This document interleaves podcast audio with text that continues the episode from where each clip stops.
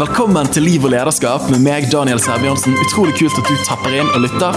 Podkasten der alt handler om å inspirere til sterke liv og store lederskap i Jesus etterfølgelse. Så gjør deg klar til å lytte og lære, så du kan leve og lede enda bedre. Oh yeah. Da er det en glede for meg å kunne få lov til å invitere til en ny podkast med liv og lederskap med meg, Daniel Sæbjørnsen. Og i dag så er det litt sånn ekstra storstas, for at, eh, i dag har jeg gleden av å ha med en person som jeg har hatt lyst til å ha med lenge siden jeg startet podkasten. Eh, og nå i koronatiden så fikk vi det til. eh, dog på ulike steder, men samtidig i samme rom her på Zoom.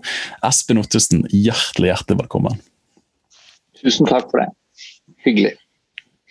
Eh, jeg kan, jo, jeg kan, jo, si mye og sette ord på mye av min begeistring for deg og for ditt virke eh, i løpet av den tiden jeg har eh, liksom fulgt med i menighets- og, og, ikke minst den offentlige debatten i Norge. Eh, vi kommer til å bli bedre kjent med deg og, og det du står i. Men litt innledningsvis, eh, for de som ikke kjenner deg eh, og har en relasjon til deg eller har fått med hvem du er, kanskje særlig unge. helt enkelt, Espen. Hvor gammel eller ung alt etter som du foretrekker eh, er du? Og eh, hvor er du født og hvor er du oppvokst? hen? Ja, jeg er altså 50 år om bare noen dager. Så det betyr vel at eh, det er sikkert mange av lytterne som får med seg dette etter at jeg da har blitt 50 år. Så det blir jo en beskjeden feiring når koronasituasjonen er som, som den er. Men det passer meg egentlig greit, da. Så det er jo jeg, jeg, liker nok ikke de veldig store festene og de voldsomme uh, folkemengdene, så det skal gå greit. Um, jeg er fra Tønsberg, sånn uh, opprinnelig i Vestfold, men har jo ikke bodd der siden jeg var ferdig på, på videregående. Mm. Uh, oppvokst i bedehussammenheng, men det kommer vi jo tilbake til sikkert. Så har jeg da, det er også ganske nytt, blitt bestefar. Farfar har jeg fått beskjed om å kalle meg. Så det er faktisk min yngste sønn som uh, fikk eh, barn for noen uh, få uker siden. Så det er veldig stas. Mm. stas. Hvor mange barn har du? Så har jeg tre, jeg har tre sønner. Ja. Mm. Og straks tre svigerdøtre, fordi mm, en av mine sønner gifter seg nå om ikke så lenge. Og så er altså de to andre guttene gift, da. Mm. Ja. Det må jeg si. Hva er aldersspennet av personlig nysgjerrighet fra yngste til eldste? Du, vi, vi, gjorde det raskt og effektivt, så de er eh, Jeg går jo alltid litt i surr, men de er vel 23, 25 og 27. Ja. Mm. Nei, men det Og det var en intens eh, barnefase. Det er jo akkurat der jeg befinner meg nå. Ja, vi eh, hadde jo en spesiell situasjon på mange måter, eh, vi. Fordi at for det første så var vi studenter når vi fikk mm. eh, det, det, meste av flokken. Jeg gikk på Menighetsfakultetet og på Fjellhaug, og, og, det var veldig fint. Altså, han eh, eldste sønnen min heter Elias. Og han har vært med på mye forelesninger. Eh, på Fjellhaug var det obligatoriske forelesninger. Vi bodde inne på området, og jeg pleide å ta med til første time og så se hvor lenge det gikk. Eh, vi var rein gutteklasse på den tiden. Ja. Men, eh, og han, han, var hjertelig vel, velkommen dit. Og så eh, fikk vi siste barn noen dager etter at jeg hadde blitt ferdig med teologistudiet. Ja. Og så satte vi kursen til Peru da når eh, barna var fem, eller snart fem, tre og ett år. Eh, og Det betyr jo at vi fikk en litt annen opplevelse tror jeg, knyttet til det å være småbarnsforeldre der. Uh. Litt på godt og vondt. altså Vi mista jo familie og besteforeldre og sånn, men det var veldig mye fint med å ha små barn i Peru, ikke minst. Så det høres jo rart ut for en del, selvfølgelig, men vi hadde jo hushjelp. Og det hadde alle, og det måtte du nok ha. Det var veldig sånn tungvint å, å håndtere et hjem i Peru, og det var jo også en måte å gi folk jobb på. Så øh, Nå skal jeg faktisk slippe ut en katt, det har jeg ikke fått sagt. da, Men jeg har også da en, litt, en katt som, jeg, som, heter Sigbjørn og har født fire barn. Så det er jo litt sånn pikant, da. Hva, hva sa du en til gang? Altså, dette er første gang du kommer med på podkast at du slipper ut en katt. Men, men hva ja. het han, og hadde han barn? Sig Sigbjørn. Ja. Han heter Sigbjørn, og vi trodde det var en gutt. Helt til en av sønnene våre kom løpende inn. Han er gammel, da, så, så det var Kom løpende inn og sa 'Sigbjørn har fått pupper'. Da skjønte vi at den var gravid. Eh, så, så, sånn er det. Men det, det må vel kalles en digresjon, men den er høyt elsket uh, i familien. Og guttenevnet har han fortsatt å bære med stolthet fra deres side?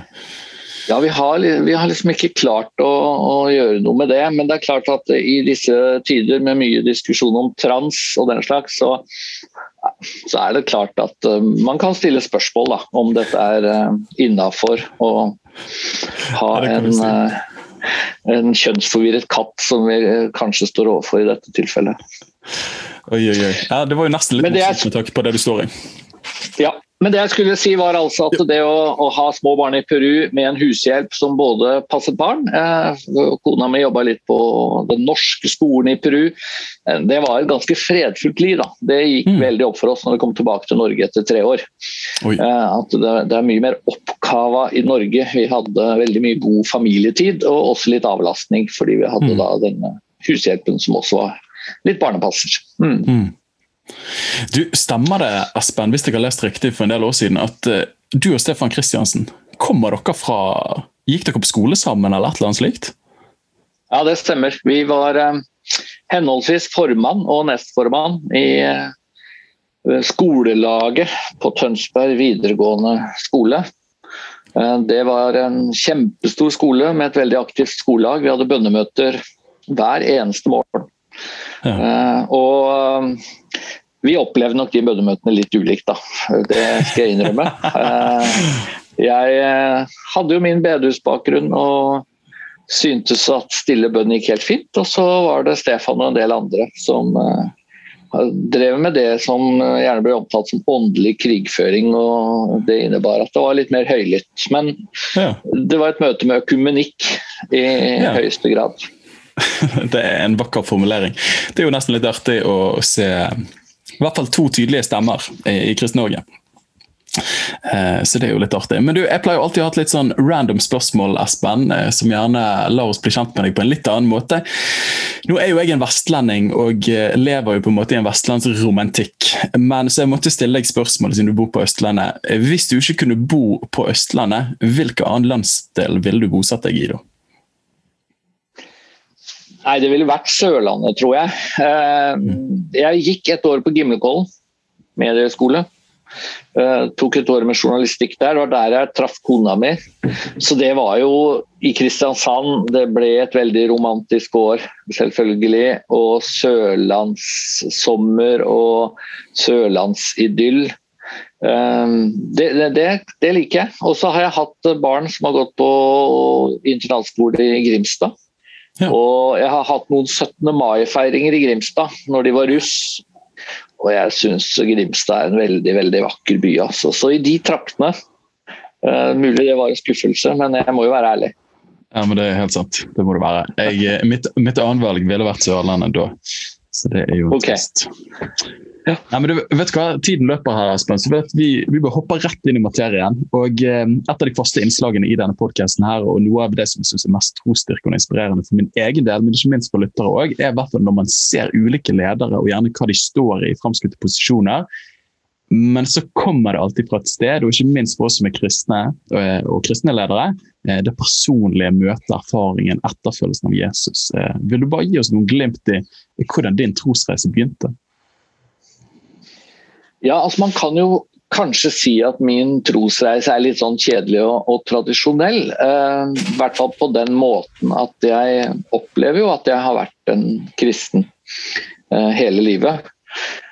Men når jeg ser tilbake, så tror jo jeg også at jeg fikk et mye sterkere og tidligere møte med troens betydning enn mange andre. For Jeg vokste altså opp i et kristent hjem med en mor som eh, var en Ei dame som gikk på gudstjeneste søndag klokka 11 og på bedehusmøte eh, på kvelden. Ja. Eh, der vi bodde i, i Tønsberg. Og så ble jo faren min syk og døde eh, av kreft da jeg var fem år. Mm. Og jeg husker jo fortsatt at vi ba for far hver eneste kveld. Ba om at han skulle bli frisk. Jeg lærte når det ikke gikk sånn og han døde, så opplevde jeg jo en mor som var veldig opptatt av evighetshåpet. Mm. Uh, at vi skulle møtes igjen. Så jeg tror jeg fikk veldig tidlig inn at uh, tro handler om mye mer enn uh, livskvalitet eller trygghet, eller at Gud fikser alt. Det lå nok et litt sånn evighetsperspektiv da, veldig mm. tidlig over min forståelse av kristen tro, kristendom. Og det har nok formet meg, tror jeg. Så jeg, jeg opplevde nok at at det ble viktig for meg da, fra jeg var fem år. Egentlig At jeg skulle møte far igjen, og at veien til himmelen, for å si det litt sånn barnslig, det var å holde fast på Jesus. Um, og så vokste jeg opp da med kirkegang, søndagsskole. Jeg ble aktiv med en liten ungdomsforening, var leder der fra jeg var 12 år. Eller, ja, eller jeg var med der fra jeg var 12 år og ble leder med en gang jeg var ferdig. Jeg var 12-16 het den gruppa, så det var jo til man var 16 år. Ja. Så, så, jeg var, var, veldig på en måte aktiv, eh, brennende engasjert i en på en måte jeg har ikke hatt ungdomsopprør. Da. Jeg pleier alltid å si på tøys at ungdomsopprøret mitt var at jeg forlot Indremisjonen og ble med i Misjonssambandet. Eh, for, for, og, for de, må kjenne Norge godt vet at den avstanden er ikke så stor. Men Moren min var ganske bevisst på at det var Indremisjonen hun tilhørte, men det var Misjonssambandet som hadde ungdomsarbeidet og den slags der jeg vokste opp, og da ble det der jeg eh, ja. fikk min tilhørighet. da. Mm. Mm. Du, så, så, fint å høre. altså. Jeg synes også, eh, altså Du møtte jo på en måte realismen i livet, og ikke minst i troslivet, i ganske ung alder. da, Med tanke på at din far gikk bort. Eh, Uten tvil. Ja, og Apropos det du også spurte om i stad, dette med møtet med Stefan Kristiansen og hva skal vi si, karismatikken på videregående, det opplevde nok jeg pga. min personlige historie som litt sånn ekstra utfordrende. For jeg skal ikke si det gjaldt Stefan, altså, presisere det, men, men, jeg møtte jo noen stemmer der som var veldig ytterliggående, og som, som egentlig forkynte at uh, en kristen blir ikke syk. Vil si, hvis en kristen blir syk, så blir blir han i hvert fall frisk hvis han har sterk nok tro. Um, og, og, det I ettertid så tenker jeg jo at det var kanskje litt godt å bli utfordra på den måten. Jeg måtte i hvert fall tenke nøye gjennom hva er det egentlig Bibelen sier.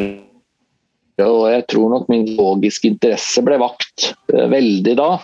Uh, for, for, for, hvordan forholder vi oss da til tekster om bønnesvar, tekster om helbredelse, alle disse spørsmålene. Mm.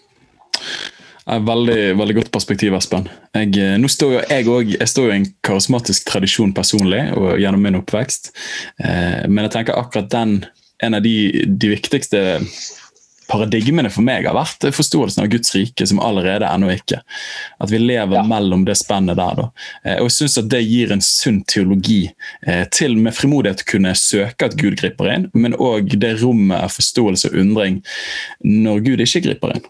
Eh, og det er helt greit. Ja, og der tror jeg jo også at Kristen-Norge har jo endra seg ganske mye siden jeg gikk på videregående skole på slutten av 80-tallet. Mm. Da var jo det vi kalte trosbevegelse, framgangsbevegelse, herlighetsteologi var jo den negative merkelappen man brukte. sto jo veldig sterkt. og den, Det har jo vært en ganske betydelig modning i en del av mm. disse miljøene.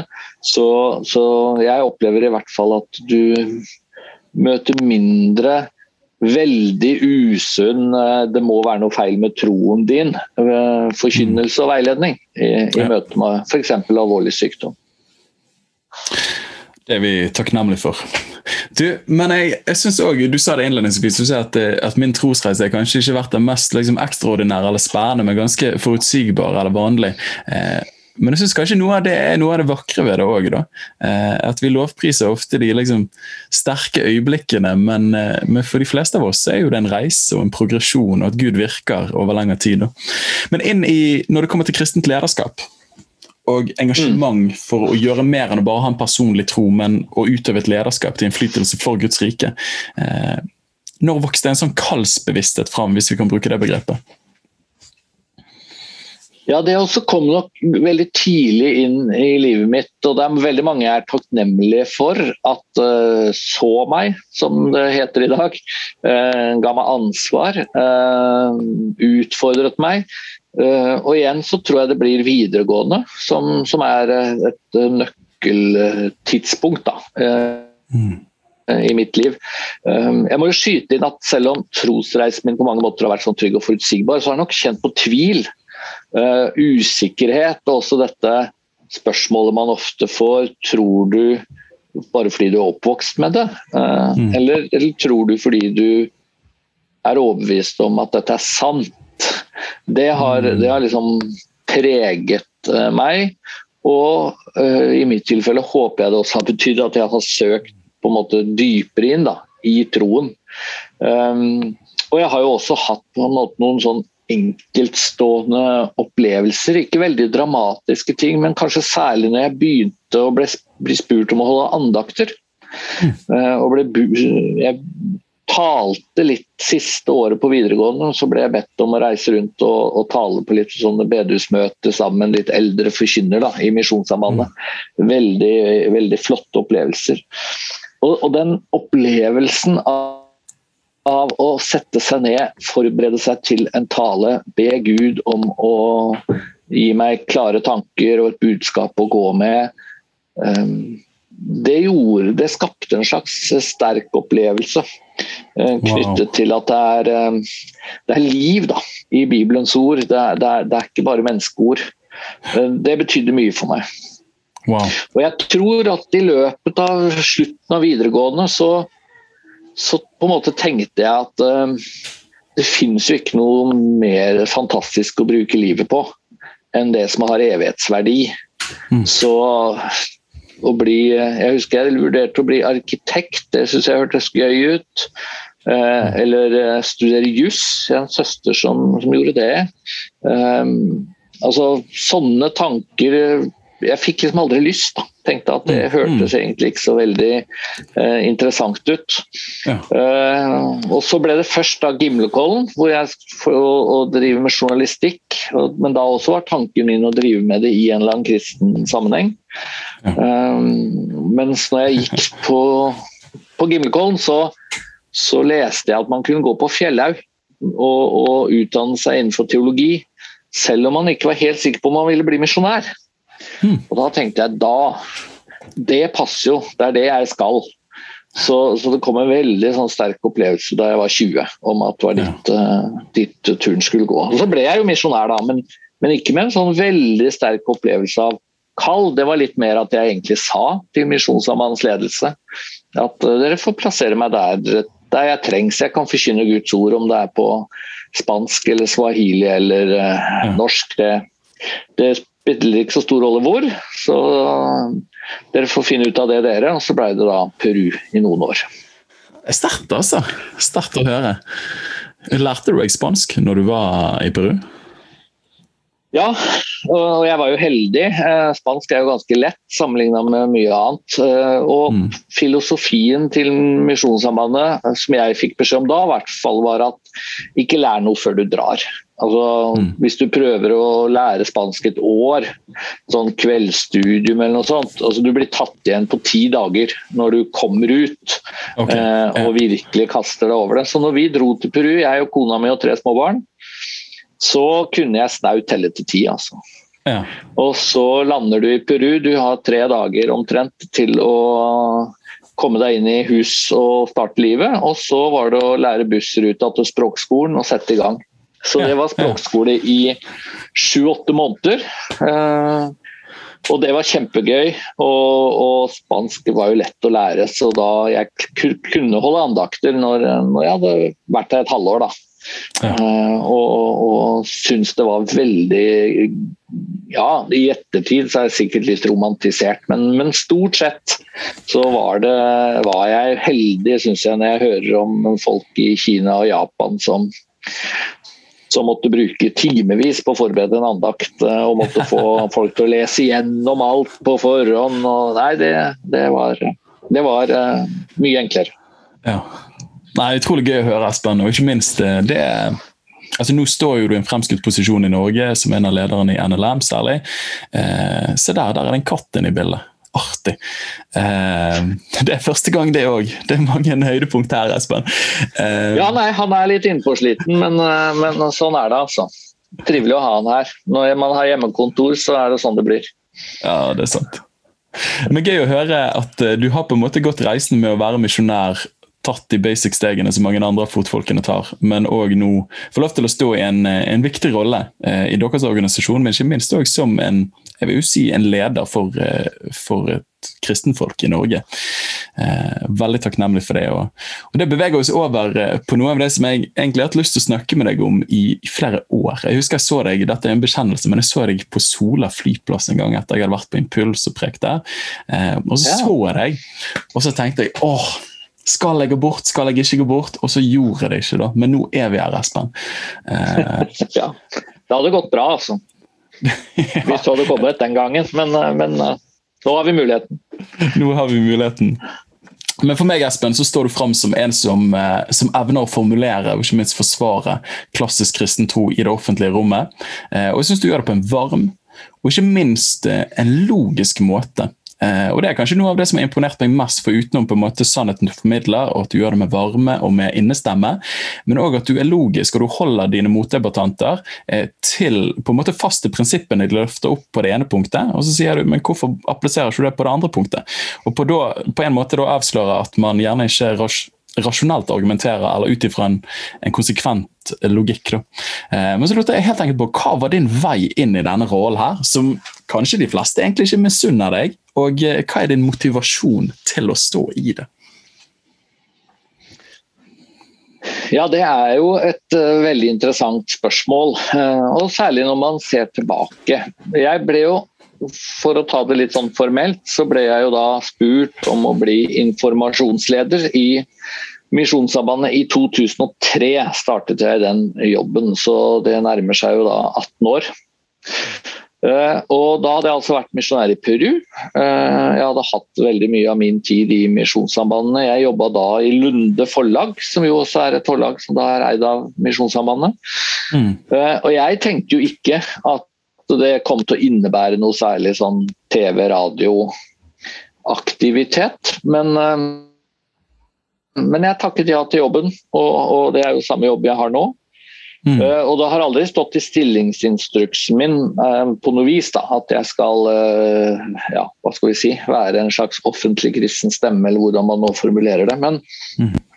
men det som jo skjedde, var at etter jeg hadde vært i den jobben i bare noen få måneder, så ringer altså TV 2, som mm. den gang Noen husker det sikkert, og noen husker det ikke, for det begynner å bli noen år siden, men da het et program Holmgang. Det stemmer, og det var liksom debattflaggskipet til TV 2. De ringte og spurte om jeg ville være med i en debatt som av alle ting eh, skulle handle om unge kvinners sexliv. Ja. Eh, det, var, det, var, kommet en undersøkelse da, som, som visstnok Jeg husker dette ganske godt fortsatt. Som, som, viste at unge kvinner begynte å ligne mer og mer på unge menn. Uh, mer og mer tilfeldig sex og den slags. Og da mente jo TV 2 at skal vi få noe fart over debatten, så må vi jo ha en uh, mørkemann, da. Eller to. Og Jeg husker jeg tenkte at det syns jeg var litt rart å bli spurt om, og skal jeg virkelig svare ja til det? Og så fikk jeg også beskjed om fra TV 2 at det var en kar fra Ungdom i oppdrag, familiefokus i Ungdom i oppdrag, som skulle være med. Geir Byberg. Uh, og da tenkte jeg vi er jo to, uh, det vil helst gå godt. Uh, og så tenkte jeg faktisk også Det må jeg sikkert slutte med snart, men jeg husker jeg tenkte at det har jo en verdi at det er unge folk. Ja som på en måte representerer eh, ja, La oss kalle det konservativ kristendom. Da. Eh, så Jeg husker jeg tenkte før jeg gikk i den, samtale, i den debatten at det nå gjelder å egentlig fremstå som blid og hyggelig. Mm. Eh, hvor mye jeg får sagt, det vet jeg ikke. Men, og hvor bra jeg klarer å få sagt det, det er jeg veldig nervøs med tanke på. Men, men, jeg tenkte at uh, nå kommer det en forholdsvis ung mann, da var jeg 32 år, uh, som uh, mener at det, det, er ikke bra å, å ha tilfeldig sex. Mm. Det var jo på en måte det jeg ønsket å formidle, at dette, dette er ikke bra for, for, oss mennesker. Jeg tenkte at det, det står jeg for. Um, og det handler ikke for meg om å være mørkemann og si nei, nei, nei. Det mm. handler om å si ja til sunn seksualitet, uh, forpliktende kjærlighet. Ja, Så bra, Aspen. Og så ble jeg med der. Uh, jeg tror de, de hadde jo da valgt plutselig å plassere meg i første rekke. Og så satt han eh, fra Ungdom i oppdrag litt mer i bakgrunnen. og Jeg husker jeg satt ved siden av ei dame hvis jeg ikke husker feil, som satt der med en sånn kurv med sexleketøy. Husker jeg satt og tenkte at nå, nå må jeg passe på å ikke se helt sjokkert ut, men, men litt sånn mildt forbaust bør jeg sikkert se ut. Ja. Men i hvert fall, eh, den korte fortellingen er jo at eh, journalister har litt eh, fantasi. Så etter at jeg var med i Holmgang og TV 2 sikkert opplevde at jeg kunne snakke sånn noenlunde forståelig på TV, så fortsatte jo de å ringe. Så jeg var jo med i Holmgang sikkert 15-20 ganger bare på to-tre år etter det.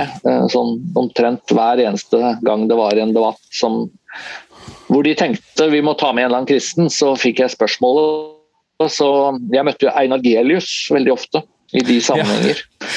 Jeg husker fortsatt som ung tenåring når den Sex i Bibelen kom, den boken. Debatterte ja. du med han om den? Ja, det tror jeg jeg gjorde. Og jeg skrev om den. Ja. Så, så, vi møttes ganske mye. Så han var, på den tiden så var på en måte han den litt sånn liberale Eh, progressive stemmen, og så fikk jeg da gjerne i oppgave å være den mer sånn tradisjonelle. Og, ja, og, og Det store spørsmålet er selvfølgelig hvorfor fortsatte jeg å si ja. Mm. For det betyr jo at jeg gikk litt sånn med åpne øyne inn i en sånn rolle. Uh, og jeg har forståelse for de som tenker at uh, har vi ikke viktigere ting å drive med? Uh, og kan det ikke til og med være litt negativt at såkalte konservative stemmer stadig er i offentligheten og fremstår da, som de som sier nei, og de som mm. vifter med pekefingeren og, den slags. Det jeg har tenkt, og som er på en måte mitt forsvar, er jo litt at noen må gjøre det. Veldig bra. Med det så tror jeg jeg tenker at det ville sett veldig rart ut hvis hvis et livssyn da, og et perspektiv som kanskje 10-15-20% av befolkningen har, eh, hvis det ikke forsvares, hvis det mm. aldri er framme i offentligheten Jeg tror mm. at i det lange løp da, så tror jeg ikke det er bra for Kristen-Norge. Uh, kanskje ville det vært bra hvis vi på en måte fikk være helt i fred. Ja. Og Det er nok noen som tenker at ja, men la oss forkynne evangeliet eh, på gater og streder og i forsamlinger og bedehus. Mm. Eh, og så får på en måte den sekulære offentligheten drive med sitt, og så driver vi med vårt, og vi bygger Guds rike. Mm. Men eh, min tanke er vel at det er ikke helt sånn det foregår. Eh, mm. vi, vi blir utsatt for ganske mye i offentligheten. Altså vi, det, det, vrimler av fordommer som fremsettes. Eh, det er ganske ofte angrep imot uh, kristen tro og tenkning. Uh, beskyldninger om at vi representerer destruktive, gammeldagse, reaksjonære verdier. Mm. Alt sånt kommer jo i offentligheten. Så jeg tenker at vi betaler en veldig høy pris da, hvis vi skulle bli enige om at vi skal aldri forsvare oss, vi skal aldri prøve å rette opp misforståelser, vi skal aldri forklare hvordan vi tenker. Så det er litt uh, min tankegang, da. Jeg må jo bare si, Espen, jeg eh, har jo sagt det tidligere i samtalen, men utrolig takknemlig for den stemmen du er, og ikke minst din vilje til å stå i den posisjonen der. Og uh, ordbære og målbære eh, meninger, og ikke minst en, en form for klassisk kristendom som en stor andel av ja, en av kristenfolket har. da, og har mm. hatt. Så veldig veldig takknemlig for den rollen du har der, Espen. Også. Og eh, Siden du var med i 2003 i Holmgang, hvordan opplever du at klimaet for å hevde disse klassiske kristne synspunktene eh, har endret seg? Og, og, hvor tror du vi er på vei eh, når det kommer til forholdet mellom kristen tro, den sekulærkulturen som er om oss her i Europa og her oppe på berget, og ikke minst da kanskje staten. Eh, så Hvordan opplever du klimaet endret seg, og hvor tror du vi er på veien? Oi, det er et stort spørsmål. Og på et vis så tror jeg jo at svaret er litt sammensatt. Altså det, det, som sikkert er forventet at jeg sier, og som jeg tror det er en del sant i, det er jo litt sånn det opplagte, at det blir tøffere og tøffere. Uh, og det syns jeg jo det gjør. Og, og, det er klart særlig i disse, disse sånn typiske debattene om homofili, uh, transproblematikk, Mm. Som jo har kommet veldig de, de seinere år. Og kanskje også litt sånn i den generelle samlivsdebatten, for det er jo den som gjerne blir betent. Mm. Så er det klart at det å stå for en sånn klassisk forståelse om at det er ekteskapet mellom mann og kvinne som er rammen for seksuelt mm. samliv, den angripes jo fra flere kanter, og det angripes iblant sterkt. Uh, og Jeg har jo lyst til å si til de som tenker, for det er en del av de, at uh, ja, men kan vi ikke bare slutte å snakke om homofili, så går det på en måte over. Da, mm. da har vi ikke noe problem lenger, for det er jo homofili som er problemet. Så tror jeg det blir litt for lettvint. Uh, jeg synes det var veldig interessant å se jeg tror det er rett før jul, at det var en artikkel i Aftenposten hvor ei ung jente skrev et forsvar for one night stand under koronaen het artikkelen. Ja. Og I den argumenterte hun for at uh, vi mennesker trenger nærhet. Og hvis du da ikke er i et uh, Og vi trenger seksuell nærhet. Og hvis du da ikke er i et uh, forhold, så, så, er det jo ikke noe vei utenom. Å ha et one night stand eller på annet vis få dekket seksuelle behov. Mm. Og jeg tenker at Det er den holdningen som på en måte er i ferd med å feste seg veldig. Um, seksuelle behov er så grunnleggende, så viktig, at det å vente med sex til ekteskap, eller det å si at man kan ikke ha sex uh, enten fordi man uh, er homofil, eller fordi man er singel, eller fordi man er skilt, eller et eller annet, det, det ses på som, som bortimot rystende. Så og da, da, blir det litt sånn viktig for meg å si at det, vi må jo prøve å argumentere og forklare hvorfor vi står for det vi mm. står uh, for. og Det er en av grunnene til at, at, jeg har valgt det, selv om jeg da altså på spørsmålet ditt opplever at det blir tøffere og, og tøffere. Ja. Samtidig så, så, tror jeg det også finnes noen lysglimt, ja, og de er jo viktig å få fram.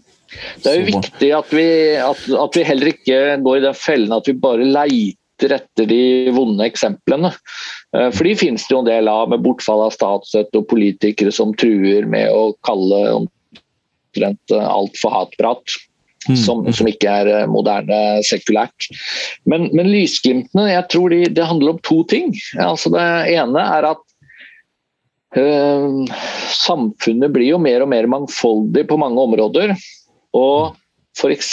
når temaet er trans, så ser vi jo at noen av de som er minst like tydelige i den debatten som kristne, det er jo eh, lesbiske feminister.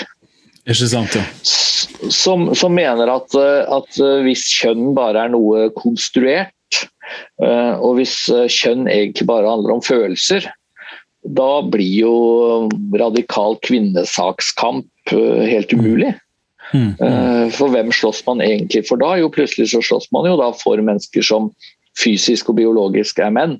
Men fordi de sier de føler seg som kvinner, så, så skal de liksom inkluderes i kvinnegruppen. Uh, jeg syns jo noen av disse uh, lesbiske feministene blir ganske ekstreme, men, men, for meg så viser det at eh, kanskje kommer vi etter hvert dit at det, det er ikke på en måte konservative kristne mot resten. Mm. Altså Eh, mangfoldet blir tydeligere og situasjonen mer kompleks. Pluss at akkurat i transdebatten så har du ganske mye leger, eh, biologer, fagfolk som sier at vi kan jo ikke slutte å tenke at kjønn har med biologi å gjøre. Mm. Så, så, jeg er litt, litt oppmuntret over det, men, men kanskje enda viktigere det, og Det er jo litt sånn tankevekkende til, til, oss som kaller oss, eller blir kalt for konservative kristne. Så, så tror jeg det er mange som har hatt et veldig anstrengt forhold da, til mm. oss. Det, mm. det finnes, og, og, det tror jeg var mer for 20 år siden.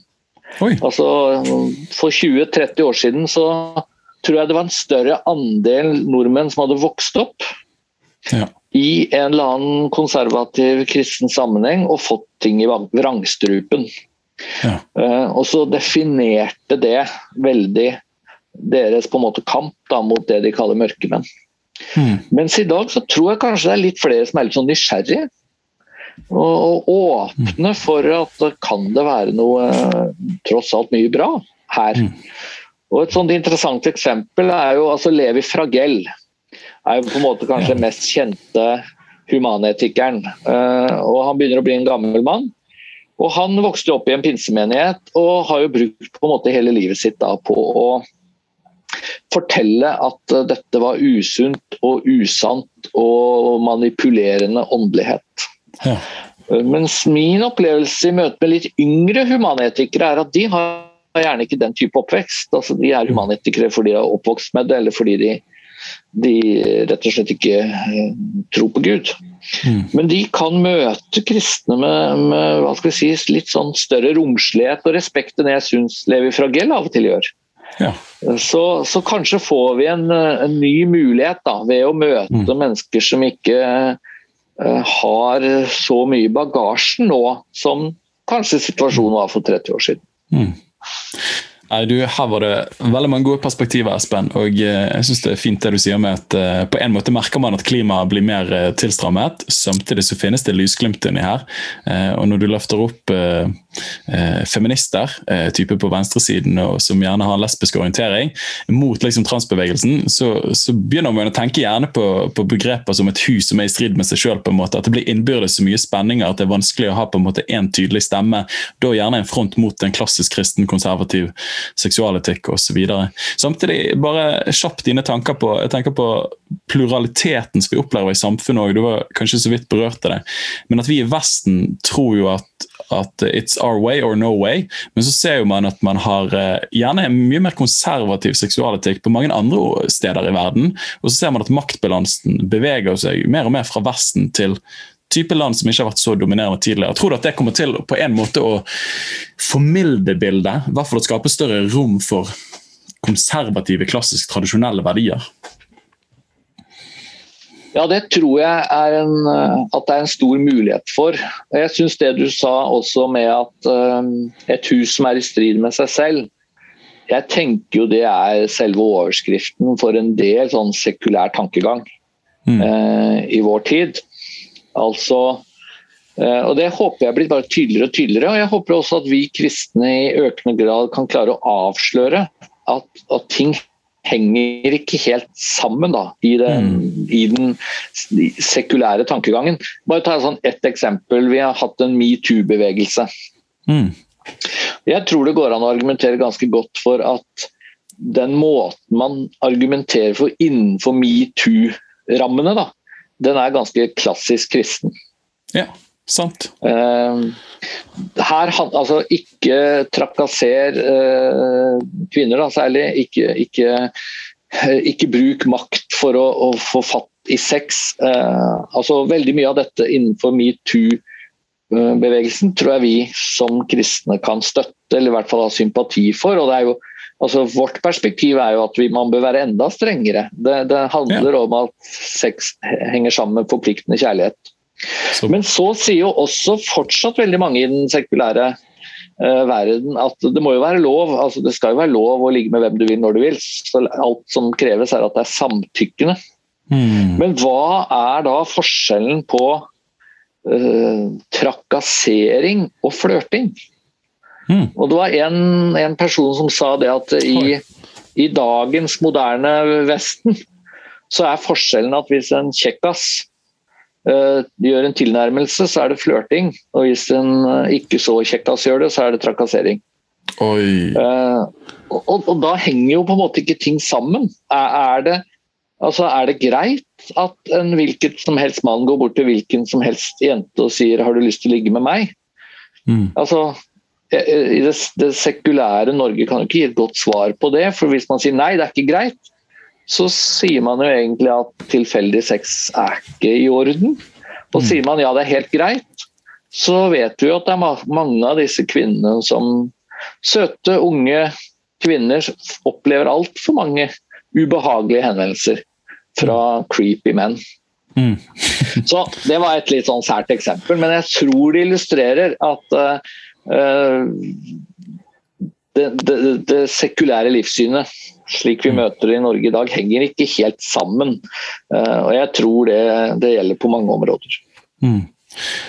Og synes, Der syns jeg eh, du har vært uh, mesterlig, Espen. Uh, ikke minst i det offentlige samtale, å være med og vise på en måte inkonsekvensen i logikk ofte. Uh, og Apropos metoo. jeg tenker Du nevnte også den kvinnen som skrev et forsvar for one night stands. Og, og på en måte Hovednarrativene i sekulære seksualetikken er jo et litt sånn naturalistisk tilnærming. At det er bare biologi, mm. det er mm. bare kropp, og det er ikke noe mer emosjonelt eller sjelelig knyttet til det. Men så får du plutselig metoo-bevegelsen som kommer og sier at det, dette var virkelig ikke bare kropp. Dette gikk på dype sjelelige og personlige ting, og det har skapt arv for livet. Da. Så det er Bare der møter du to narrativer som kolliderer, eh, men som gjerne ikke alltid er villige til å ta implikasjonene av ved. Da. Jeg er helt enig. Det er, en veldig veldig god illustrasjon. Og, og løsningen uh, i det sekulære perspektivet blir vel ofte å bare si at vi må overlate til hver enkelt å bare bestemme.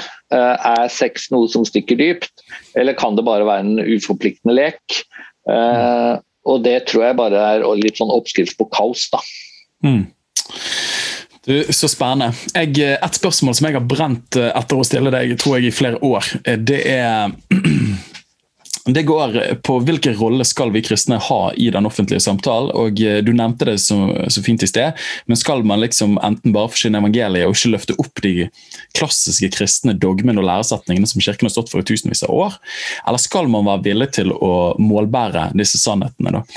Eh, og så Personlig for meg som ung pastor og forkynner, så titter du gjerne over dammen, ser YouTube-filmer av fremstående menighetsledere og forkynnere som er utrolig begavet på mange ulike områder. Så hører du de gjerne i samtale med sekulære intervjuere. Hva mener du om abort, eller hva mener du om homofilt samliv osv.? Og så er liksom litt av den moderne, klassiske eh, tilnærmingen er Jeg har ikke lyst til å svare på det akkurat nå, for da får folk bare fiendebilder mot meg, men det er en personlig samtale jeg har lyst til å ha med den enkelte. Jeg er opptatt av Jesus, og vi alle kommer til kort, og vi alle trenger souls transformation og ikke bare behavior modification. Og så kommer du på en måte, du finter deg unna, men så sitter vi samtidig der, vi som er kristne. bare sånn Men vent litt, hva mener han egentlig? Og er det sånn at vi egentlig ikke skal si de klassiske kristne dogmene til våre venner som ikke tror, men vi skal bare snakke om Jesus, og så ordner det sekundære seg av seg sjøl? Eh, og så bare begynner jeg å undre meg, har ikke Kirken egentlig vært kjent for i 2000 år med kjærlighet og stå for de klassiske verdiene, og kanskje noe av det som attraherte folk i antikken og Romerriket òg. Eh, hva er dine tanker om det? Og det er nesten litt sånn, sånn som en ungdomsgenerasjon. Espen, hjelp oss å tenke bibelsk om dette her. Oi, ja det, et, eh, det, er en veldig viktig og, og, god utfordring. og Jeg er gjerne med på å tenke høyt rundt det. Eh, og så mm. tror jeg jeg tenker at det fins det finnes grøfter å gå i her. Eh, jeg tror man må prøve å finne en vei faktisk mellom yttergrøftene, da, eller ytterpunktene. Og jeg tenker mm. Det ene ytterpunktet det er å, å si at man eh, ikke skal ta hensyn til de narrativene man møter.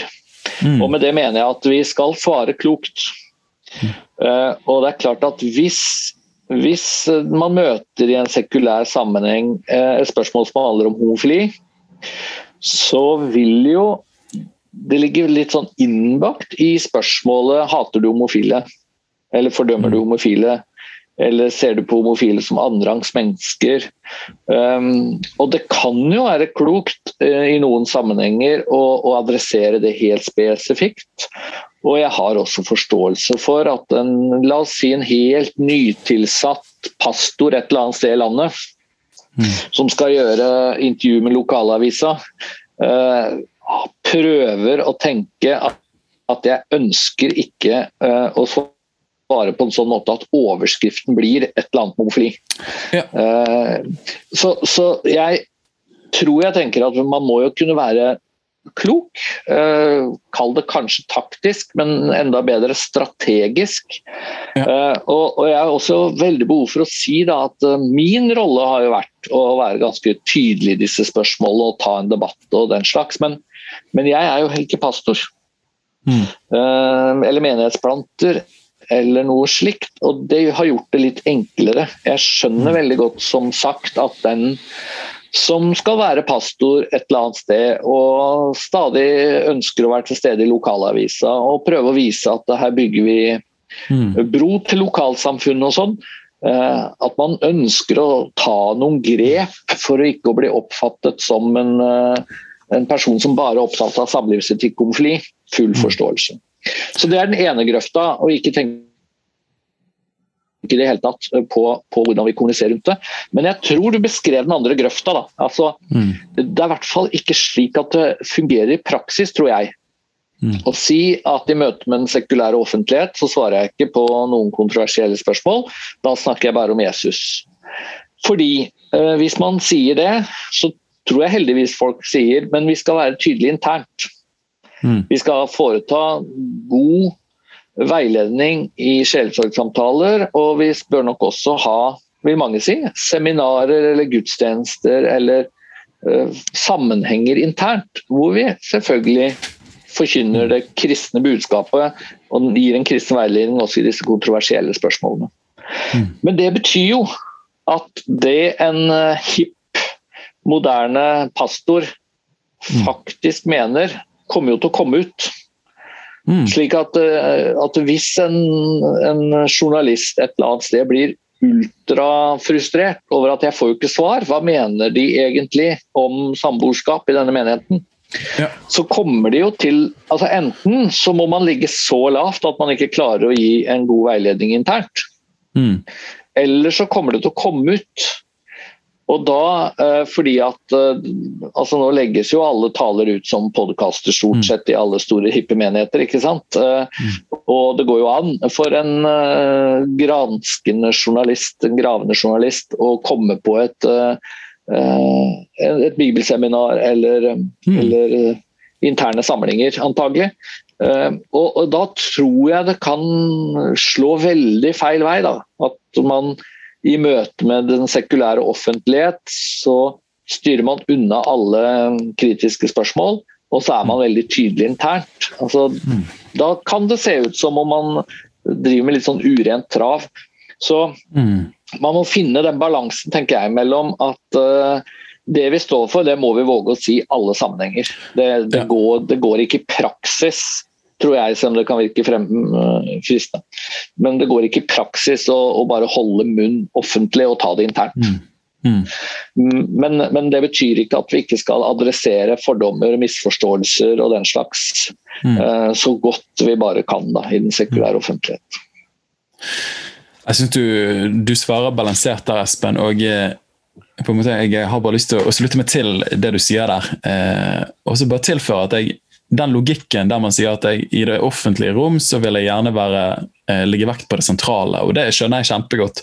Og så sier man men vi har lyst til å drive en opplæring i klassisk kristen tro internt. Men min erfaring etter hvert som man titter rundt i de ulike kule menigheter osv., er jo at den interne opplæringen gjerne ikke finner sted, egentlig. på en måte. Og så er det litt sånn her, men, men, vi vet hva vi skal tro. Folk vet jo at vi ikke er for samboerskap. Folk vet jo at vi tror på ek ekteskap osv. Men så kommer du litt ned i rekkene, så finner du ut når du besøker ungdomsarbeidene og sitter og samtaler med de unge bare sånn, nei, men de vet det faktisk ikke, og de vet i hvert fall ikke hvorfor vi mener det vi mener. Og så er det et lett bytte for den sekulære narrativen, fordi at vi ikke har opptrådt i en kristen forsakelse og tro. da. Eh, og så bare spørsmål òg. Du sa urent trav, men, men, er ikke det sånn at, at hvis vi hadde vært tydelige, så om så folk ikke liker det, så skaper det i hvert fall en respekt og en forståelse for hvor vi står hen. Istedenfor at det er litt sånn ullent. Hva mener de egentlig, på en måte? Um. Jo, jeg tror du har veldig rett i det. Og jeg, jeg, tror du også har veldig rett i at i praksis så uh, blir, man blir nok veldig mange av de som sier vi skal være tydelige interne, men men vi, vi, prøver å være søkersensitive og Jesusfokusert uh, i, i, det offentlige rom. Det er nok en fare for at man blir utydelig, som, som, du er inne på. Og jeg tror Noe av det som også skjer, er at vi undervurderer hvor sterk den sekulære kulturen er. Mm. Altså, ta det slagordet som du gjerne møter i alle mulige pride-sammenhenger. Eh, folk må få lov å være den de er, eller folk må få lov å elske den de vil, eller et eller annet. Og så er det et ekstremt sterkt slagord Altså, Mm. Ingen av oss har jo lyst til å si nei, vi vil ikke at folk skal få lov å være den de er. Eller at vi vil ikke at folk skal få lov å elske den de vil. Det, det er jo vi imot. Og da blir jo spørsmålet hvordan snakker vi da i eh, kristen sammenheng om dette? På en sånn måte at eh, det henger sammen, og det fremstår ikke kaldt og hjerteløst. Og jeg tror at da trenger man ganske grundig undervisning, grundige samtaler, og kanskje rett og slett avsløre at at også en sekulær tankegang eh, er på innsiden av mange av oss. Eh, for vi møter den hele tiden. Alle TV-serier, filmer, ukeblader, aviser. Overalt så ligger det en Mm. sekulær tankegang. Så skal man øh, møte den med motstand, så skal det litt mer til enn at man øh, vedtar øh, et øh, snirklete verdidokument og håper folk leser det, øh, for å si det, si det sånn. Eh, Du sier det presis der. Eh, Jeg tror eh, åh, Jeg kjenner for mange refleksjoner her. Jeg kjenner i hvert fall at, at noe av din funksjon og det du setter ord på nå, er med å Jeg som en ung leder, men òg etter hvert som det kommer en ny generasjon av kristne unge ledere, så det er akkurat som jeg, jeg tror ikke vi har råd til lenger å tie om disse sentrale tingene, men eh, jf. Efeserne 4.15, sannheten, tro Mm. og kjærlighet. Eh, jeg leste et sitat av, av Tozer i går, der han sa at, det, at, at vi trenger å stå tydelig på Guds ord, men smile samtidig. Eh, noe i den duren der. Jeg syns, det er bra sagt. da. Eh, Det er jeg enig i. Ja. Og til det du også sa, bare for å skyte inn det dette med det, ja, det vil føre til motstand, men vil det ikke også føre til respekt? Jeg syns Mm. det er veldig fascinerende å lese apostelens gjerninger, for der har du jo den enorme kontrasten i noen kapitler. Altså, Mm. Eh, Du kan lese i ett vers at eh, mange kom til tro, og så kan du Mm. lese fire vers senere eh, at noen prøvde å steine Paulus. Ja. Og den, det, det det er en sånn enorm kontrast, tror jeg, i det i livet generelt da, for, for kristne forkynnere og kristne ledere. At den ene dagen så vil du kanskje møte mennesker som uh, sier at du tråkker på meg, eller Mm. dette her er jo hatprat, eller dette bør jo forbys og sånn. Og da mener jeg man alltid skal stille spørsmålet har jeg kommunisert dårlig? Har jeg klart å være sannheten tro virkelig i kjærlighet? Mm. Men noen ganger så må du kanskje konkludere med at ja, du gjorde virkelig så godt du kunne, og her er det på en måte anstøtet og åndskampen vi rett og slett møter. ja, Og, og så kan du oppleve dagen etter eller samme dag at, at mennesker eh, uttrykker stor respekt for at du står for noe, at du ikke viker unna. Og det kan til og med gjøre at mennesker blir nysgjerrige på, på troen og kommer til tro. Så jeg syns det er utrolig interessant det der med altså, hva er motstand et tegn på? Ja. Fordi at det er veldig vanskelig å vite på forhånd. Altså Motstand kan være et tegn på at du er en tydelig kristen som ikke Altså. viker unna. Men motstand kan jo også være et tegn på at du kommuniserer eh, som en tosk. Så, så man, må ha den, man må ha den ydmykheten også da, i møte med kritikk og tenke gjennom eh, kunne jeg formulert meg bedre. Eh, kunne jeg uttrykt varme eh, i større grad. Ja, så bra sagt. altså. Og Der tenker jeg fellesskapet av de hellige og det å kunne bli speilet er utrolig sentralt. Samtidig, jeg, jeg kommer stadig tilbake til noe Jesus sier. Han sier 'ved dere om alle taler vel om dere'. Så det er akkurat, så er akkurat som Hvis alle liker deg, eh, så føler du mest sannsynlig ikke Jesus. Eh, så det er også på en måte tankekors. Du, eh, Tiden løper fra oss her, Espen. Jeg vil egentlig ha to kjappe spørsmål. Men spørsmål vi rekker det. Vi får se hva vi får tid til. Men, men hvordan kan vi se at kristenfolket reiser seg? Hva tenker du er en av de måtene vi kan se at Guds folk reiser seg og våger å være sannheten, tro og kjærlighet? Oi. Um, jeg syns jo det, det mest nærgående spørsmålet vi alle bør stille, uh, det er jo hvordan bruker vi tiden vår? Hmm. Altså, og, og for så vidt lommeboka. Det er, jo, det er jo en som har sagt, jeg leste det nylig, at vis meg kalenderen din og vis meg lommeboka di, så skal jeg si deg, si deg hvem du er. Mm. Uh, og, og det er jo min største frykt. Uh, Det er jo at avkristningen uh, foregår innenfra. Ja. Altså, når, altså det, det, er mye press, og det er lett å bli fokusert på, på hva vi utsettes for av politikere og, og uh, ateister eller uh, homobevegelsen eller hva det nå skulle være. Men, men, svaret er jo å søke Gud. Søke det kristne mm. fellesskapet, bruke tid i Bibel og bønn. Uh, og jeg er veldig, veldig redd for at det, det er lett også for kristne å bruke litt for mye tid på Netflix og mm. alt annet enn det som uh, virkelig har evighetsverdi. Ja. Så det er sånn vi må reise oss. Vende oss til, til Gud. Ja. Du, det, er, det, er, så bra sagt, eh, Espen. Eh, det var Magnus Malm som skrev den boken som om Gud ikke finnes, og hevder at det er ikke mm. samfunnet som sekulariserer kirken, men motsatt. Tilbake til kildene. Det var egentlig svar på det siste spørsmålet som jeg alltid pleier å stille. Eh, hva vil være ditt fremste råd for å hjelpe folk til sterke liv og større lederskap i etterfølgelsen av Jesus? Eh, jeg vet ikke om du har lyst til å tilføre noe til det spørsmålet der? Ikke, ikke, stå alene, tror jeg er siste svar. Altså, øh, kristne ledere trenger å øh, ha noen å stå sammen med. Jeg kan avslutte med en kort historie som jeg synes var utrolig fascinerende for min egen del, som har betydd en del for meg. Jeg møtte en kristen leder for noen år siden som, liksom, som, jeg aldri hadde møtt før, og som ville starte med et spørsmål for å teste min teologi. Og Da mm. sa han hvem har skrevet første Tessalonikerbrev. Og jeg tenkte er dette en klovn, eller? Uh, tror han at jeg ikke kan noen ting? Uh, hva er det for et spørsmål? Så jeg svarte selvfølgelig første Tessalonikerbrev er skrevet av Paulus. Er du sikker på det, sa han. Ja, sa jeg. Ja, men les første vers, da. Og der står det sånn Paulus, Silvanus og Timoteus hilser menigheten i Tessalonika osv. Mm. Og Poenget hans var at eh, for det første så har vi en tendens til å lese Bibelen for dårlig. Vi på en måte bare tar ting for gitt, men det står jo presisert at dette er et brev fra tre personer. Og Det andre poenget, og det er mitt hovedpoeng, er at Paulus var altså ikke alene. Han var ikke den ensomme rytter. Han hadde medarbeidere hele tiden, noen å stå sammen med. og Han skrev altså brev sammen med to andre. Jeg tror det er så viktig. Um, du klarer ikke å være en kristen leder og stå fast hvis du ikke har noen som speiler deg, noen du kan be sammen med, noen du kan søke råd hos. Ikke stå alene. Hm.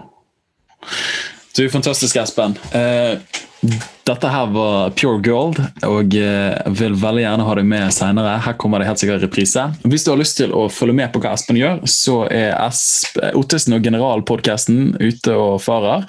Og så er han på Facebook, eh, og eh, er du på andre flater? Twitter. Ganske mye på Twitter. Men jeg hender jeg prøver å ta litt fri også. Men Twitter og Facebook er jeg nøyer meg med det. Mm. Fantastisk. Sosiale medier. Tusen, tusen takk, Espen. Takk for praten. Takk for at du lyttet inn til Liv og lederskap, og håper at du ble inspirert til å leve sterkere og lede større Jesus-etterfølgelse. Hvis denne episoden ga deg noe, del den veldig gjerne videre til en venn eller to, sånn at de kan bli inspirert. Og husk det at ditt liv, ditt lederskap, betyr en forskjell, så ikke len deg tilbake, men len deg framover. Vi trenger deg.